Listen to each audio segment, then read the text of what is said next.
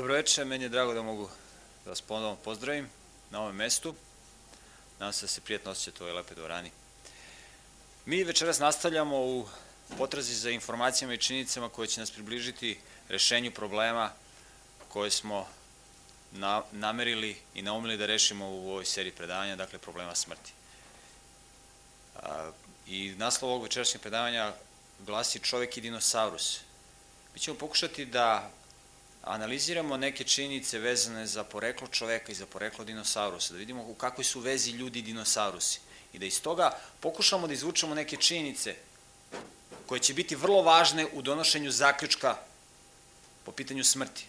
I ja sam vas pozvao da budete porota i da prikupljate činjenice koje će ovde iznositi i da vidite koliko će argumentacija biti validna u potvrđivanju odgovora koji je pozitivan na pitanje problema smrti. Na samom početku ja ću dati nekoliko uvodnih informacija vezano za čoveka i za dinosaurusa. Konvencionalno objašnjenje kaže, dakle ako otvorite učbenike, da su dinosaurusi životinje koje su živele u periodu od pre nekih 200 miliona godina do pre nekih 65 miliona godina. Smatra se da su, da su dinosaurusi nastali, dakle dinosaurusi su gmizavci, koji su nastali u jedne druge grupe gmizavaca, od njih su evoluirali i oni su živeli u jednom periodu od nekih u grubo 150 miliona godina, zavisi od autora koji priča. I pre oko 65 miliona godina dinosaurusi izumiru. Velika je misterija u geologiji, u paleontologiji. Kako su izumrli dinosaurusi? To je velika misterija. I postoje hipoteze kako su oni izumrli, Neki autori kažu, jedan gospodin koji se zove Alvarez, on je dobio Nobelovu nagradu zato što je iznao hipotezu da su dinosaurusi izumrli tako što je jedan asteroid udario u planetu Zemlju pre nekih 65 miliona godina.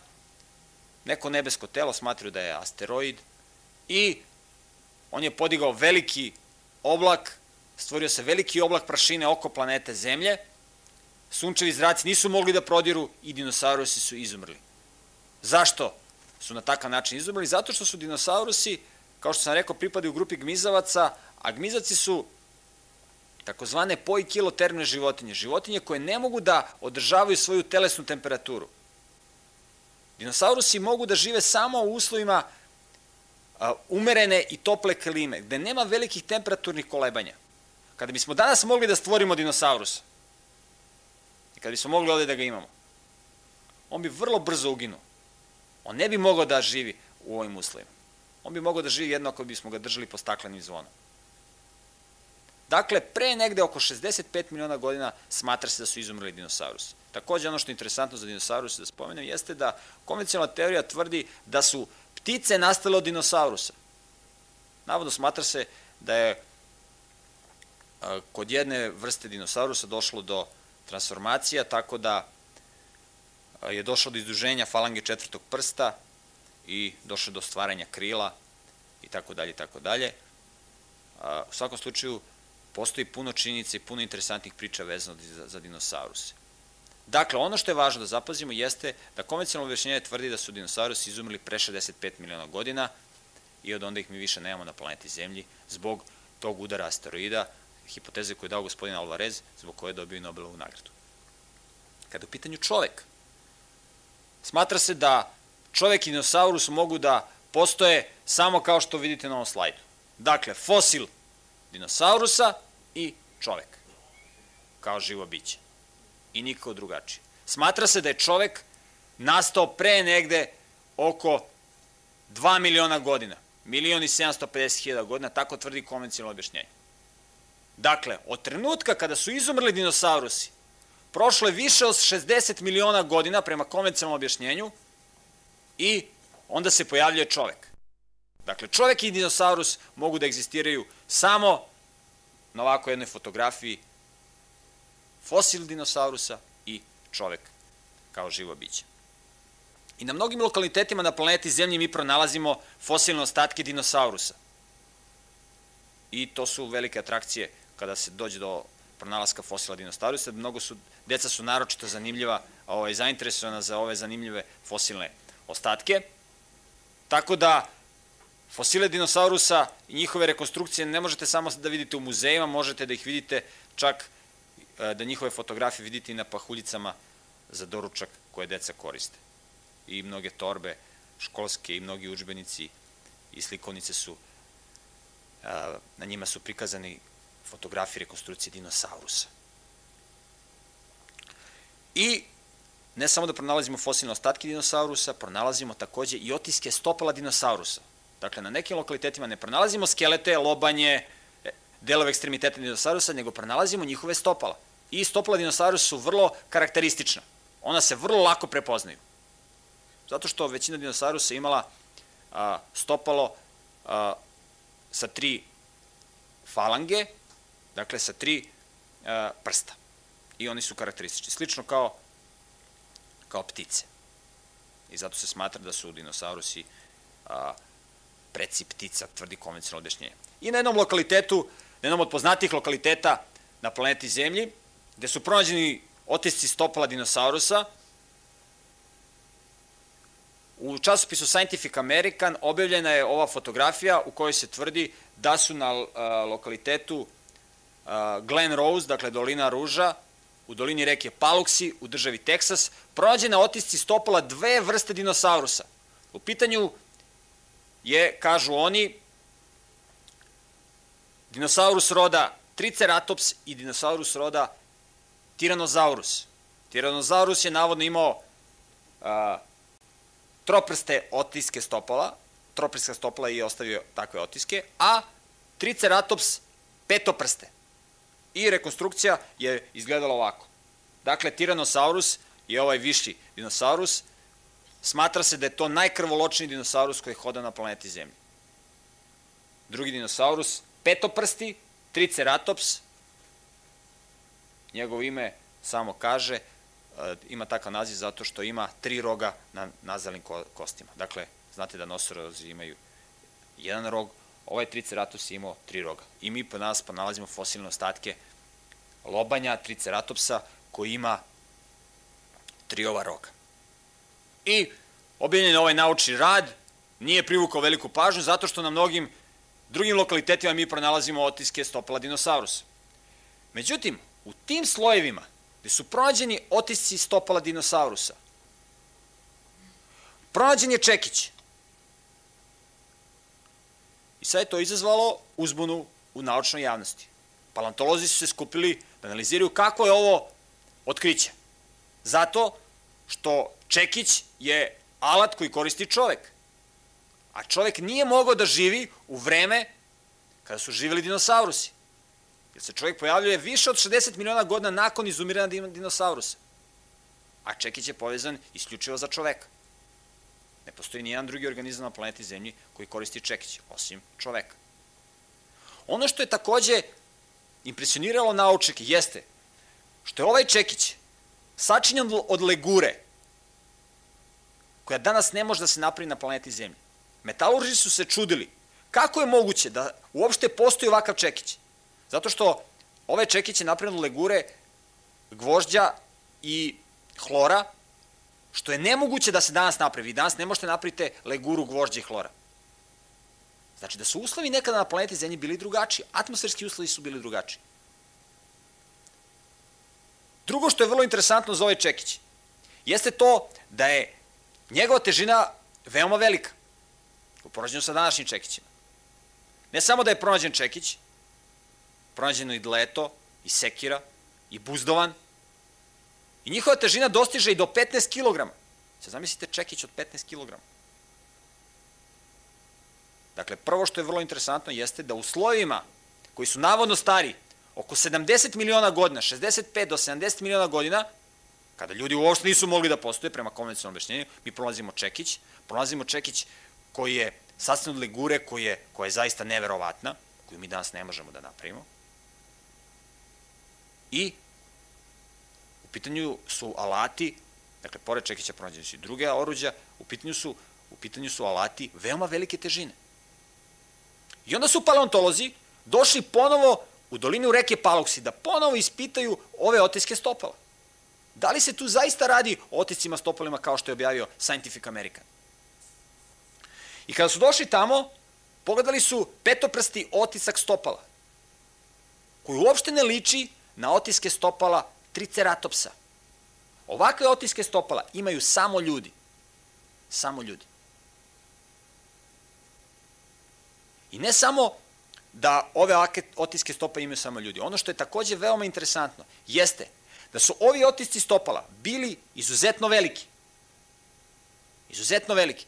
Kada se uporade ovi otisci stopala koji su pronađeni u dolini reke Palovski, Paloksi sa otiscima stopala savremenih ljudi, vidi se da su ovi otisci stopala više od dva puta veći od otisaka stopala savremenog čoveka. Na primer, dužina stopala čoveka koji nosi cipelu broj 44 je oko 25 cm. A otisci stopala koji su ovde pronađeni dostižu do 65 cm. Dakle, više od dva i po puta, više od dva puta veća, veće otisci stopala. Dakle, 25 je dužina stopala čoveka koji nosi broj cipele 44. A ovde imate stopala, nisu ovo, nije ovo samo jedna, da je pronađeno jedan otisak, pronađeno ih je puno. I kao što možete da vidite na ovom slajdu, upoređenje je zaista iznenađujuće. Kada su ovi otisci stopala, upoređeni sa otiscima stopala dinosaurusa, videlo se da su otisci stopala ovog čoveka koji ih je ostavio iste veličine kao otisci stopala dinosaurusa. Analize su pokazale da čovek koji je mogao da ostavi ovakve otiske stopala je trebao da bude uh, više od 3 metra. Trebao je da ima težinu preko 500 kg na osnovu udubljenja koje su ovi otisci stopala ostavili. I to je zaista izazvalo veliku pometnju u naučnoj zajednici. Jedan poznati autoritet iz geologije je kazao, ako je ovo tačno, Ako su pronađeni otisci stopala čoveka i dinosaurusta u istim slojevima, rekao je on, onda bi, kaže paleontolozi, trebali da postanu vozači kamiona. Oni bi trebali da totalno promene svoju struku. On nije hteo da poceni vozače kamiona, nego hteo da kaže da bi oni trebalo da menju svoju struku. Jer to što paleontolozi pričaju, to nema veze sa realnošću, to nije u skladu sa činjenicama. I dakle, mi imamo činjenice koje prkose konvencionalnom objašnjenju. Dakle, da su nekada na planeti Zemlji ljudi i dinosaurusi živjeli u isto vreme. Kada su dalje, počet, uh, kada su dalje vršene istraživanja ovih slojeva, ona su se sve više i više intenzivirala istraživanja. U ovim slojevima su dalje pronađeni fosilni ostaci ekstremiteta čoveka. Pronađen je fosilizovan ljudski prst. Ono što je interesantno jeste da je ovaj prst i deblji i duži od prsta savremenog čoveka. Naprimjer, ovaj fragment je dugačak oko 7 cm, ali u svojoj punoj dužini ovaj prst je bio dugačak oko 15 cm. Vi sami znate koliko je otprilike 15 cm, a kolika je dužina prsta savremenog čoveka.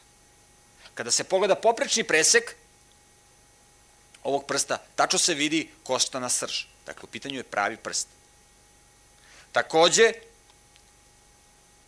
pod skenerom se takođe vidi koštani deo. Dakle, u pitanju je pravi pravcati čovečiji prst. Takođe u slovima, navodno starim, oko 70 miliona godina, što je prema konvencionalnom objašnjenju nemoguće. Je nemoguće da je čovjek postao pre 70 miliona godina? To je bilo doba gmizavaca, doba reptila, doba dinosaurusa. Međutim, činjenice prko se tome. Takođe, u ovim krešničkim slovima, navodno starim 70 miliona godina, pronađen je i mlečni zub čoveka, takođe većih dimenzija, što takođe ukazuje da su nekada na planeti Zemlje u isto vreme sa dinosaurusima živeli ljudi. Živeli ljudi. Mi znamo da je ovo mlečni zub zato što on nema korenski sistem. Lako se prepoznaje. Ono što je takođe jako važno da zapazimo, jesu istraživanja koja su vršena na DNK, na molekulu DNK dinosaurusa. Dakle, mi pronađemo fosil dinosaurusa. Mi pronađemo fosil dinosaurusa. I onda, iz tih fosilnih ostataka, mi pokušamo da izvučemo genetički materijal. Pokušamo da izvučemo iz ćelije tog fosilnog ostatka, da pokušamo da izvučemo njegov DNK, da je njegov genetski zapis i da eventualno pokušamo da ga pročitamo. Ja sam juče govorio o kloniranju. Danas mnogi ljudi smatruju kako bi bilo interesantno kada bi mogli da kloniramo dinosaurusa. Da iz nekog fosilnog ostatka dinosaurusa izvučemo njegov DNK, pa da onda pokušamo da ga ubacimo u jajnu ćeliju nekog mizavca, pa da dobijemo dinosaurus. Međutim, to je u domenu teorije i to je zaista u ovom trenutku nemoguće iz prostog razloga što kada organizam ugine, onda molekul DNK jako brzo dezintegriše. Dakle, za vrlo kratko vreme taj molekul se raspadne. Dakle, njegov DNK se raspadne. I sad ako su zaista dinosaurusi živjeli pre oko 70 miliona godina, pre oko 65 miliona su izumrli godina, mi nikako u fosilnom ostatku dinosaurusa ne bi mogli da izvučemo njegov DNK. Međutim, šta su pokazala istraživanja? Reuter je objavio da su u fosilizovanom, da su iz fosilizovanog jajeta dinosaurusa, navodno starog 70 miliona godina, izvučeni fragmenti DNK. Znači, DNK se ipak očuvao. Što je nemoguće ako je dinosaurus živao pre 70 miliona godina. Ako je ovaj dinosaurus tada živi. Što znači da su dinosaurusi živeli u vrlo skoroj prošlosti. Da su dinosaurusi živeli zaista pre nekih 70 miliona godina. Mi nikako ne bismo iz fosilnog zapisa, iz fosilnog materijala njihovog uspeli da izvučemo DNK. Nikako. Sama činjenica postojanja DNK u ovom jajetu dinosaurusa i na mnogim drugim mestima gde pronalazimo fosilne ostatke dinosaurusa je potvrda da su dinosaurusi živjeli u skoroj prošlosti. I to je jako važna činjenica. Dakle, ljudi dinosaurusi, na osnovu ovih činjenica, su živjeli u isto vreme. Kao da su dinosaurusi bili kućni ljubimci nekada čoveka. Dakle, oni su živjeli u isto vreme. Uopšte ne postoji jaz. Ne postoji naučna argumentacija koja govori o tome da su dinosaurusi i ljudi živjeli u razmaku od nekih 60 miliona godina. Jedan poznati istraživač, koji se zove Robert Connolly, je istraživao stare civilizacije. I na svom putovanju kroz Peru i Meksiko pronašao je vrlo interesantne fosilne ostatke. I da pogledamo kakvi su ti fosilne ostaci. On je pronašao ogromne ljudske lobanje, fosilizovane. I na ovom slajdu možete da vidite jednu od tih lobanja. Lobanja savremenog čoveka ima zapreminu 1450 kubnih santimetara. 1450. On je pronašao lobanje zapremine od 1600 do 3200 kubnih santimetara. Dakle, lobanje savremenog čoveka ima zapreminu 1450 kubnih santimetara. Ovde se radi od 1600 do 3200. Dakle, skoro dva i po puta veće lobanje čoveka. Ovde vidite kako izgleda šematski prikaz te lobanje. U pozadini vidite kako izgleda lobanje savremenog čoveka. Ono što je vrlo interesantno, ovo je još jedna od tih lobanja, jeste da, da ove lobanje imaju vrlo interesantnu morfologiju. One su izdužene. Evo da pogledamo sledeći slajd. Dakle, ove lobanje su izdužene. Kako to da su ove lobanje izdužene? Kako to da su ove lobanje tako velike? Mi znamo na osnovu istorije da su nekada indijanci svojoj deci vezivali daske na čela. I onda, kako je dete raslo, njegova lobanja se deformisala u jedan ovakav oblik. Indijanci su smatrali da će deca koji imaju ovakav oblik lobanje biti inteligentnije, pametnije i tako dalje i onda su oni zato to tako činili. Ja sam konsultovao mog kolegu koji se bavi medicinom, da li postoji mogućnost nekog deformiteta kod čoveka i da dođe do ovake deformacije lobanja. Postoji kod dece jedan fenomen koji se zove hidrocefalus. To je kad detetu, dakle to je jedan poremećaj, jedno nenormalno stanje, kada detetu otekne lobanje. Ali ovde nema ni govora o oticanju lobanja. Prvo, ovo nisu lobanje dece. Ovo su lobanje odraslih jedinki. Dakle, u pitanju nije nikav deformitet. Kada pogledamo analize i kada pogledamo izveštaje naučnika po pitanju ovih lobanja, oni nemaju odgovor na ovo pitanje. To je za njih misterija. Otkud ovake lobanje? Ono što je važno da zapazimo jeste da su ove lobanje očigledno pripadale individuama koje su bile izuzetno krupne, što je u skladu sa onim stopalima koje smo malo pregledali. Dakle, nema ni govora da se ovde radi o nekom falsifikatu. Ove lobanje su izložene u muzeju. Za ona stopala, neki autori, neki naučici koji zastupaju konvencionalno objašnjenje, tvrde da su ona stopala falsifikovana. Da je neko došao i da je izdubio ona lobanje, one, ona stopala u steni.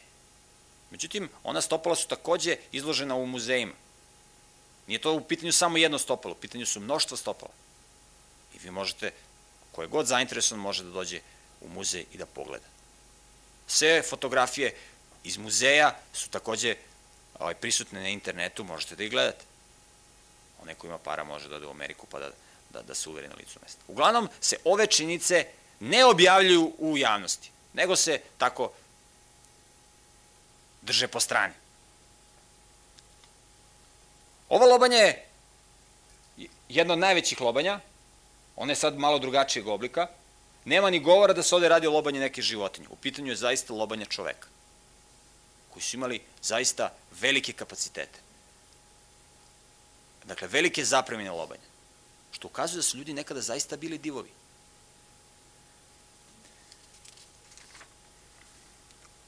Ovo je poslednja u nizu ovih lobanja koje možete da pogledate. Inače, ovaj autor, Robert Connolly, je objavio jedan kompakt disk na kome je izneo fotografije sa, svojim, sa svojih istraživanja, gde možete da pogledate mnoštvo ovakih fotografija. Evo ovde vidite orbite, dakle, lobanja neverovatnog oblika, ali ono što je za nas interesantno, lobanja velike zapremine. Zašto je sve ovo važno da zapazimo? Važno je da zapazimo to da u prirodi postoji degradacija. Mi svuda u prirodi vidimo destrukciju. Mi svuda u prirodi vidimo da živi organizmi se degradiraju, da vrste izumiru. Konvencionalno objašnjenje tvrdi da se život razvija, da je planeta Zemlja u stanju evolucije. Međutim, mi u prirodi vidimo degradaciju, mi u prirodi vidimo raspad. Kako da, da objasnimo ove ogromne otiske stopala? Kako da objasnimo ove ogromne lobanje? Da li postoji neko objašnjenje? Kakvo je to čovekovo poreklo? Vi ste čuli priče možda starijih ljudi koji kažu kako su na našim prostorima nekada živjeli ljudi mnogo duže. Kaže, moj deda je živeo 130 godina, moj deda je živeo 150 godina. Ja znam, kaže, tamo nekoga, pričali su stari ljudi koji je živeo i onda da neku cifru preko 100 godina. Istorijski zapisi govore o tome da su ljudi nekada zaista duže živeli. Izašla jedna knjiga, jedan istoričar je prikupljao podatke na osnovu podataka iz istorijskih izvora širom sveta. Vi danas imate, na primjer, kad odete u opštinu, zapise kada se neki čovek rodio, kad je umro. Na mnogim lokalitetima na planeti Zemlje. Takođe imate nadgrobne spomenike. I postoji mnoštvo dokaza da su ljudi nekada zaista duže živeli. Činjenice koje prikupio ovaj autor kažu da čovek koji najduže živo, ono što je on zapisao, jeste neki kinez koji je oko 252 godine. I da postoji pisani zapis o tome. I on navodi referencu, naravno, koja može se proveriti. A najstariji čovjek na ovim prostorima našim je neki čovjek kod Pirota koji živo oko 130, kaže se 131 godina i postoji nadgrobni spomenik, postoji izveštaj. I to nije ništa neverovatno. Nije u pitanju jedna jedna starija osoba. Vi možete da konsultujete mnoštvo starih ljudi koji će vam reći da se sećaju ljudi koji su živeli jako dugo. I to je u skladu sa onim što mi vidimo u prirodi. Da se životna dob čoveka smanjuje. Zašto je ovo važno? Mi pokušamo da odgovorimo na pitanje smrti. Ali da bismo rešili problem smrti, mi moramo da zadremo u tajnu života. Kako je nastao život? Otkud čovek potiče? Kako je čovek nastao? Kako mi možemo znati kako je čovek nastao? Kako mi možemo znati šta se desilo u prošlosti? Kako je poreklo ovih lobanja? Kako to da su Dinosaurusi i ljudi živeli u isto vreme. Kako mi možemo nađemo odgovor na to pitanje? Niko od nas nije bio pristun kada je nastao prvi čovjek. Mi možemo da dobijemo odgovor na to pitanje. Kako smo mi nastali? Kako je nastao prvi čovjek? Jedino kada bi postojao neko ko bi nas obavestio, ko je bio pristan kada je nastajao prvi čovjek, dakle neki svedok koji je prisustvovao i sad on nama kaže – desilo se to i to. Dakle, vi ste porota, ja sam vas pozvao da budete porota. Dakle, ako postoji neki svedok koji će da nam kaže, dakle, verodostojan svedok, koji će da nam kaže, bilo je tako i tako, ja sam prisustvovao, ja vam dajem izveštaj. Mi bismo mogli to svedočanstvo da prihvatimo kao validno, kao istinito. Postoji jedan istorijski zapis koji objašnjava sve ove činjenice. Taj istorijski zapis su koristili Newton, Louis Pasteur, Blaise Pascal, Michael Faraday, Kepler. Oni su tvrdili da je taj izveštaj autentičan naučan. Oni su tvrdili da je postojao jedan čovjek na planeti Zemlji koji je verni svedok i koji je zapisao kako je nastala planeta Zemlja, kako su nastali prvi ljudi. Da je taj čovjek imao informaciju i da je on tu informaciju zapisao tako da mi možemo nju danas da proverimo, da možemo naučno da je testiramo na bilo kom sudu. I Newton i kolege su tvrdili da je ta ličnost bio jevrijski pisac i jevrijski istoričar Mojsije. I da je njemu bilo otkriveno od strane onoga koji je stvorio univerzum, koji je stvorio čoveka, da je, da je onaj koji je prisustuo stvaranju, onaj koji je stvarao, dakle sam stvoritelj, da je on Mojsiju dao izveštaj o stvaranju kao autentičan, kao validan, koji mi možemo naučno da testiramo. Dakle, to nije izveštaj koji ćemo mi sada čitamo i da u njega slepo verujemo, nego to je izveštaj koji, u kojem nas Mojsije poziva da mi taj izveštaj naučno testiramo. Taj izveštaj je zapisan pre nekih 3.500 godina. I u tom izveštaju se kaže da su ljudi na planeti Zemlji nekada mnogo duže živeli nego danas.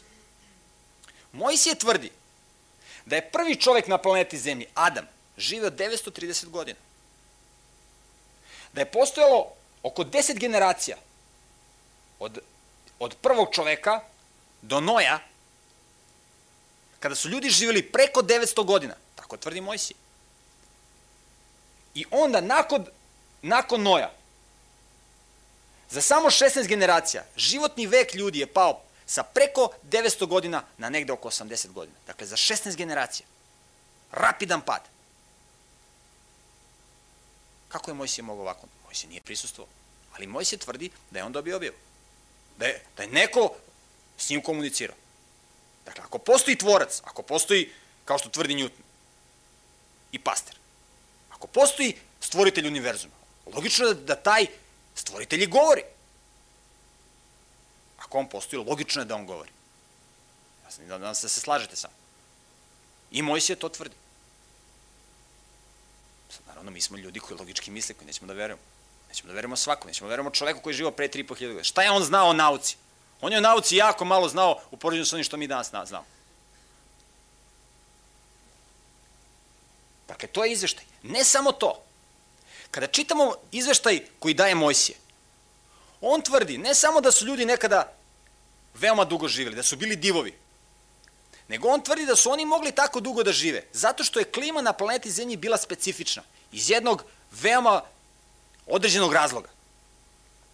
Kada čitamo Mojsijev izveštaj o stvaranju, Mojsije kaže, kada čitamo njegovu knjigu Postanje, on kaže da je u početku, kada je planeta Zemlja stvarana, planeta Zemlja se, kaže on, kupala u vodi. Planeta Zemlja je bila sva u vodi. I onda je došlo do toga da je ta voda razdvojena atmosferom. Dakle, u početku je cela zemlja bila u vodi i onda je došlo do toga da su se okeanski baseni, mora, jezera i tako dalje, razdvojili sa vodom iznad atmosfere. Dakle, planeta Zemlja je došla u stanje da imala vodeni omotač iznad atmosfere, koji je stvarao efekat staklene bašte. Tako da kad čitamo izveštaj, Mojsije kaže da u početku nije mogla da pada kiša na planeti Zemlji. Klima je bila ujednačena. Nije bilo velikih temperaturnih razlika između globalnih oblasta. Nije mogao da duva vetar. Nije mogla da se podigne, podigne pršina, nije bilo klica kondenzacije, nije mogla kiša da pada. Nije bilo godišnjih doba. klima na planeti Zemlje je bila ujednačena na svim regionima.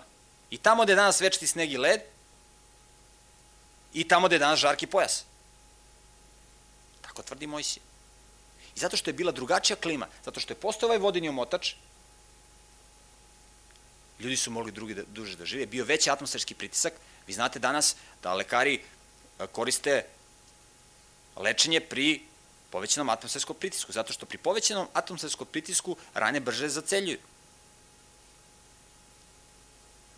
Zamislite klima na celoj planeti Zemlju jednačena. Ne može kiša da pada, nema snega, blaga klima. Koliko je jedan ovakav izveštaj opravdan?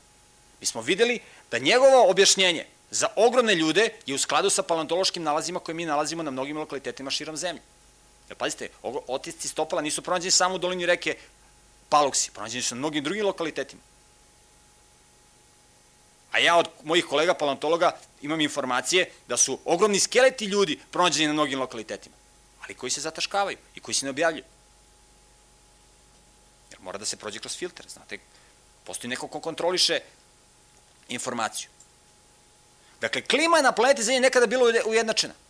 Da li je tako nešto moguće? Koliko je taka jedna izjava u skladu sa naučnim činjenicama? Ako odete na severni pol, gde večti sneg i led, gde života nema, gde su vrlo redki organizmi koji mogu da egzistiraju, na severnom polu vi možete da pronađete fosilne ostatke, na primjer, tropskih školjaka. I e, časopis National Geographic, najpoznatiji evolucionistički časopis, koji se štampu tiražu od 8 miliona primjeraka. Objavio je ovu fotografiju paleontologa koji drži tropsku školjku. Ne samo da su na lokalitetu severnog pola, Sibira, Aljaske i drugih lokaliteta gde je večiti sneg i led, pronađeni fosilni ostaci tropske školjke. Pronađeni su fosilni ostaci jastoga, froski, dakle organizama koji žive samo u toploj, toploj klimi. Zatim korala. Pronađeni su fosilni ostaci zmija, životinja koja ne može da živi u u ledu.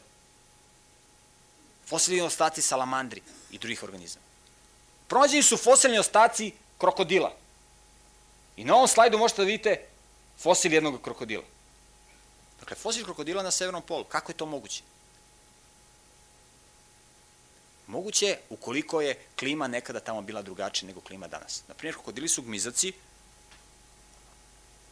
koji, to su najveći gmizaci koji danas žive. Ono što je za njih interesantno jeste to da a, oni noću ulaze u vodu, zato što voda ima veći toplotni kapacitet. Jer ako su velika kolebanja temperature, krokodili ne mogu da egzistiraju. Gmizaci ne mogu da egzistiraju. I zato su gmizaci uglavnom mali. Mali. Dakle, pronalazimo fosilne ostatke krokodila na severnom polu. Zaista neverovatno. Konvencionalno objašnjenje kaže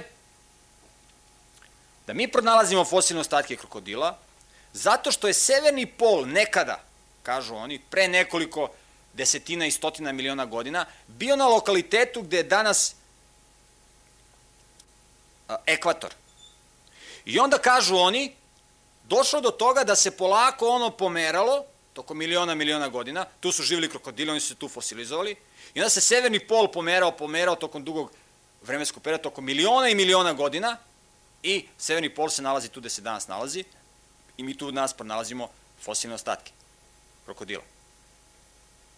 Mi ćemo, mi ćemo u narednim predanjima da vidimo koliko je ta priča sa milionima godina tačna.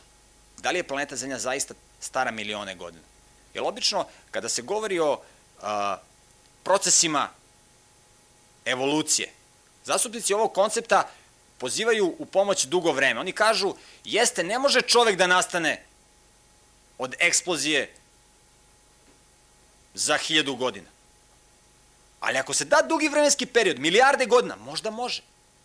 Vi kad biste došli na neki fakultet na zapadu i rekli čovjek može nastane od gliste za tri dana, ljudi bi se smejali, rekli to je besmislica. Ako biste rekli da čovjek može nastane od gliste za tri milijarde godina, to bi se prihvatilo kao naučno opravdana činjenica. Nemoguće je da se fosili, da se krokodili fosilizuju na severnom polu. Ali za milione godina moguće da se oni fosilizuju na severnom polu, pa da severni pol se pomeri. Tako oni to objašnjavaju. A vi sami procenite koliko je tako jedno objašnjenje validno. A ja ću u narednim predavanjima izneti još činjenica, pogotovo činjenice vezane za starost zemlje. Pitanje starosti zemlje je krucijalno pitanje. Pitanje na kome se lome mnogi koncepti. I mi ćemo to, to pitanje da tretiramo. Takođe na lokalitetima gde je večiti sneg i led, mi pronalazimo fosilne ostatke dinosaurusa. Dinosaurusi ne bi mogli danas da žive na planeti Zemlji. Danas žive krokodili. A dinosaurusi ne bi mogli da žive. Međutim, mi fosilne ostatke dinosaurusa pronalazimo na Aljasci. Tamo gde je večiti sneg i led. I to ne jednog dinosaurusa, nego puno njih.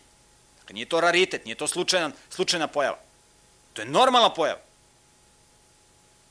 Znate, danas se u paleontologiju jako malo ulaže.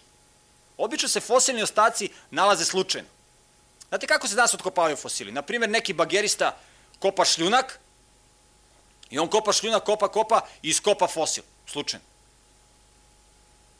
Ili se kopa temelj neke zgrade.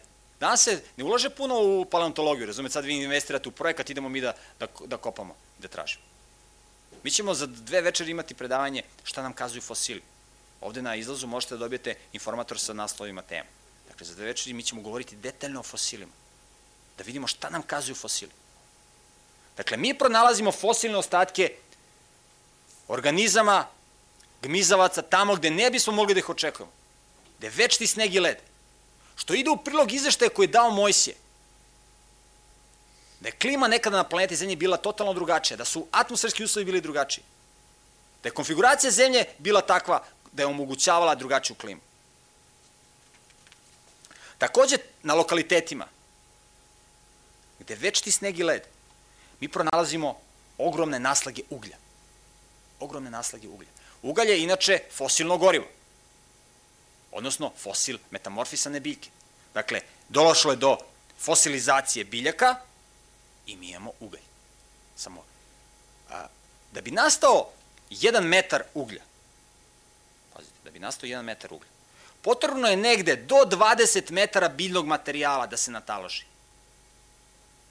Pazite, vi, na primer, na mnogim lokalitetima možete nađete 10 metara debe uglja. 20, 50, 60 metara debe uglja. Sloj uglja.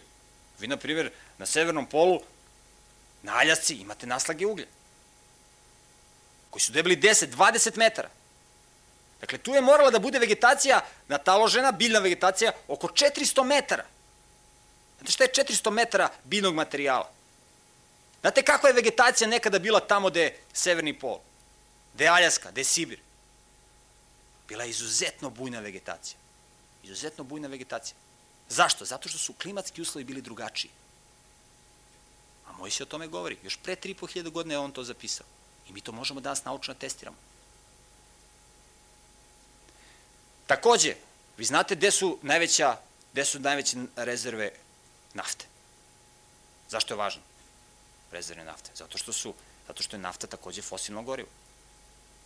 Nafta su fosili.